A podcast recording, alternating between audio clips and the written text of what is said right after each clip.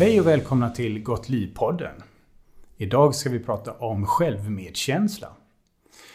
Idag gästas Gott Liv-podden av Jenny Stolpe och eh, hon är coach och mental tränare. När vi har försökt gå ner i vikt men misslyckats. När vi vill stå emot sötsuget men kunde inte. När vi börjar att träna men slutar efter några veckor. När motivationen sinar, när vi blir ledsna, när det är motigt i livet. Dietcirkusen, skräpmatsindustrin, löpsedlar och det fetmafrämjande samhället, forskningsfusk. Kanske barnens galonbyxor som är smutsiga, brist på tid, dagistider. Allt detta kan hindra oss på vägen till att vara hälsosamma och eh, må bra helt enkelt. Självmedkänsla kan vara avgörande för att vi ska hitta tillbaka till, till vår vilja och vår kraft i livet. Det är viktigt för oss att vi kan förlåta oss själva och inse att det faktiskt kan vara svårt att vara hälsosam och må bra ibland. Men självmedkänsla kan handla om lite annat än bara levnadsvanor som mat och träning. Och eh, det finns många andra sammanhang som självmedkänsla är viktigt. Vad är självmedkänsla egentligen, Jenny? Ja du, självmedkänsla det är ju den att jag har eh, en slags empati för mig själv. Att jag... Många av oss känner ju väl till vad självkänsla är. Att jag tycker om mig själv som jag är och att jag har en god känsla kring mig själv. Att, att ha självmedkänsla, det, det är mer att när jag är svåra, tuffare stunder inte är mitt bästa jag. Att jag då kan behandla mig själv med empati och respekt. Det är självmedkänsla det. Varför känner inte många till det här begreppet självmedkänsla? Alltså i USA är det ju välkänt att compassion och self-compassion, det är någonting som man pratar om. Men jag tror att eh, här i Sverige så har vi nog fokuserat lite mer på självkänslan och att ha medkänsla för andra och så. Jag tror lite grann att eh, jantelagen har ett finger med i spelet här. Därför att man ska inte förhäva sig och, och sticka ut då. Tycka att man är någonting. Eh, det är den här gamla farsoten. Eller hur? Ja, jo. Som vi har. Ehm, så det, jag tror det är lite grann därför. Att, att ha medkänsla för sig själv när man har klantat sig och när man eh, kanske inte har gjort så bra ifrån sig. Det, det har vi inte pratat så mycket om. Nej, och jag tror, det som vi har pratat om tidigare i den här podden, att eh, när vi pratar om viljekraft bland annat. Mm. Det finns i samhället en generell trend att vi lägger vår, eh, vår kraft och att det är på oss det gäller. Mm. När det gäller en livsstilsförändring. Och när det gäller våra levnadsvanor som om vi vill börja äta mer vegetariskt eller om vi vill framförallt den stora frågan att gå ner i vikt.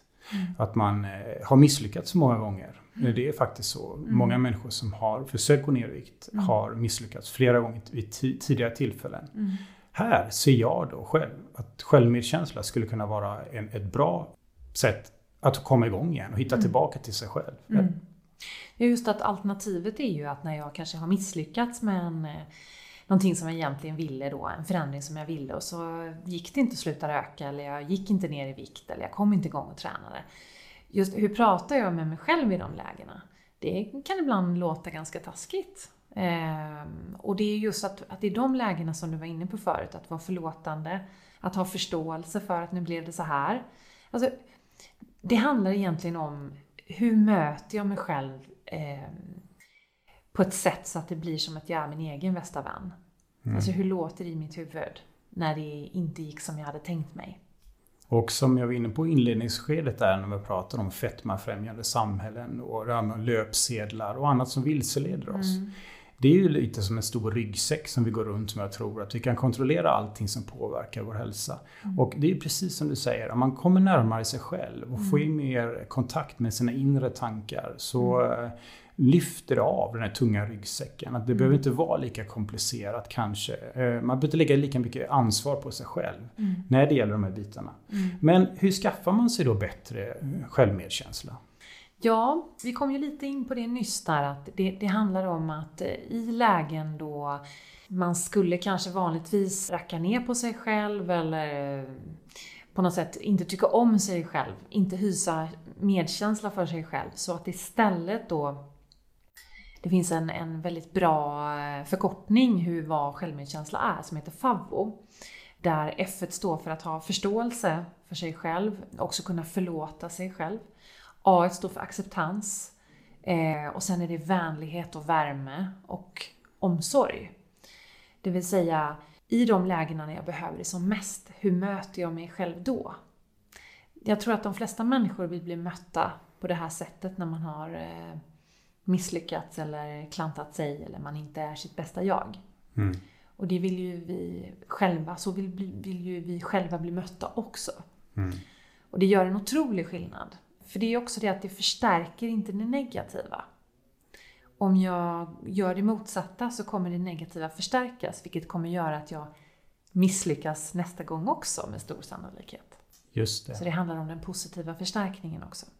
Ja, och, och, och det här går jag igång på då. För det här, det här, då kommer vi nära hjärtat till mm. det som är betydelsefullt för oss själva. Mm. Och då vet vi att när vi gör det, då har vi en, en större chans att lyckas med en livsstilsförändring. Mm. Oavsett vad det egentligen är. Mm. Och vi har pratat mat och träning här, men det gäller egentligen vad, oavsett vad det är i livet. Absolut.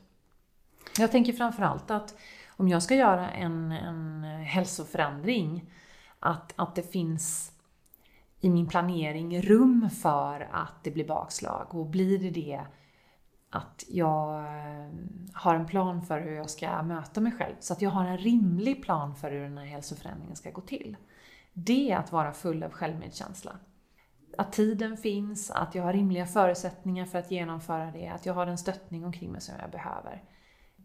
Det var faktiskt du Jenny som introducerade det här begreppet för mig för eh, några år sedan. Mm. Och eh, det har själv, eh, kan jag säga då, svårt ibland att känna självmedkänsla i mm. svåra stunder. Mm. Har du något tips där? Ja, och jag tänker att det är ju för att vi är så vana vid det motsatta. Att i stunder då vi det är svårt och lite lurigt och, och tufft, då, då är vi lite mer vana att liksom, kom igen nu då! Och nästan liksom sparka igång oss själva. Men vem kommer igång av att bli sparkad på? Det är, de flesta gör ju inte det, eller hur? Nej. Utan istället göra det motsatta. Nämligen, okej, okay, nu är det så här. Nu gick det inte speciellt bra. Så vad behöver jag nu? Det där ordet behöver är en, en central eh, sak i självmedkänsla. Att man fokuserar på behov. Eh, och ställer frågan, för det hade du ju gjort om, om jag hade ramlat och slått mig. Så hade du ju först eh, haft förståelse för mig och kanske tröstat mig och, och hjälpt mig upp. Och sen hade du frågat, vad, hur kan jag hjälpa dig Jenny? Vad, vad behöver du nu? Eller hur? Just det. Och här är vi inne på kärnan. Om jag får koppla upp igen till det här med kost och eh, livsstilsförändring när det gäller motion eller något annat. Det är om vi börjar till exempel med en ny diet och vi inte riktigt trivs med maten vi äter. Mm. Eh, då har vi inte ställt oss frågan, vad är det vi behöver? Mm.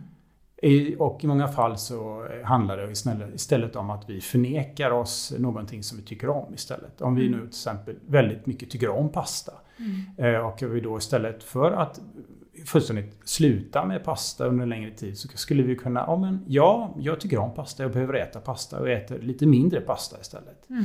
Eh, lite tycker jag kan gå lite mer i självmedkänslans tecken. Mm. Eh, och då har vi dessutom då naturligtvis använt vår styrka mm. och vår tycke och smak i en livsstilsförändring. Då. Och vi kommer då som sagt närmare det som är betydelsefullt för oss. Mm. Och när någonting är betydelsefullt för oss så vet vi att då har vi större chans att lyckas. Mm. Ja, jag, tror ju, jag tror ju stenhårt på att eh, det där med totalförbud det har aldrig lett till bra platser eh, när det kommer i alla fall till livsstilsförändringar. Hellre liksom titta på det med, med rimlighet. Vad är, den, vad är det bästa upplägget för mig? Att kunna sluta med någonting eller börja med någonting. Just det. Mm. Ja, och eh, vi kommer ta upp det i ett annat avsnitt, eh, nämligen heidifiera. Och det är ett begrepp som jag har. Det handlar om just att man kan hejda sig i vissa tillfällen. Eh, men det kommer vi utveckla ett annat tillfälle. Som ett litet smakprov till er lyssnare. Vad, hur skulle du vilja summera eh, det budskapet? Ja, nej men i, i det stora hela eh, så handlar det om att vara en, en god vän till sig själv Precis så som du skulle vara mot din allra bästa vän eller din allra käraste i stunder då de har det tufft. Vad skulle du göra då? Gör så mot dig själv också, så blir det mycket bättre. Tack så jättemycket Jenny för att du, vi träffades idag. Det var jättetrevligt. Detsamma. Vi återkommer i Gott Liv-podden.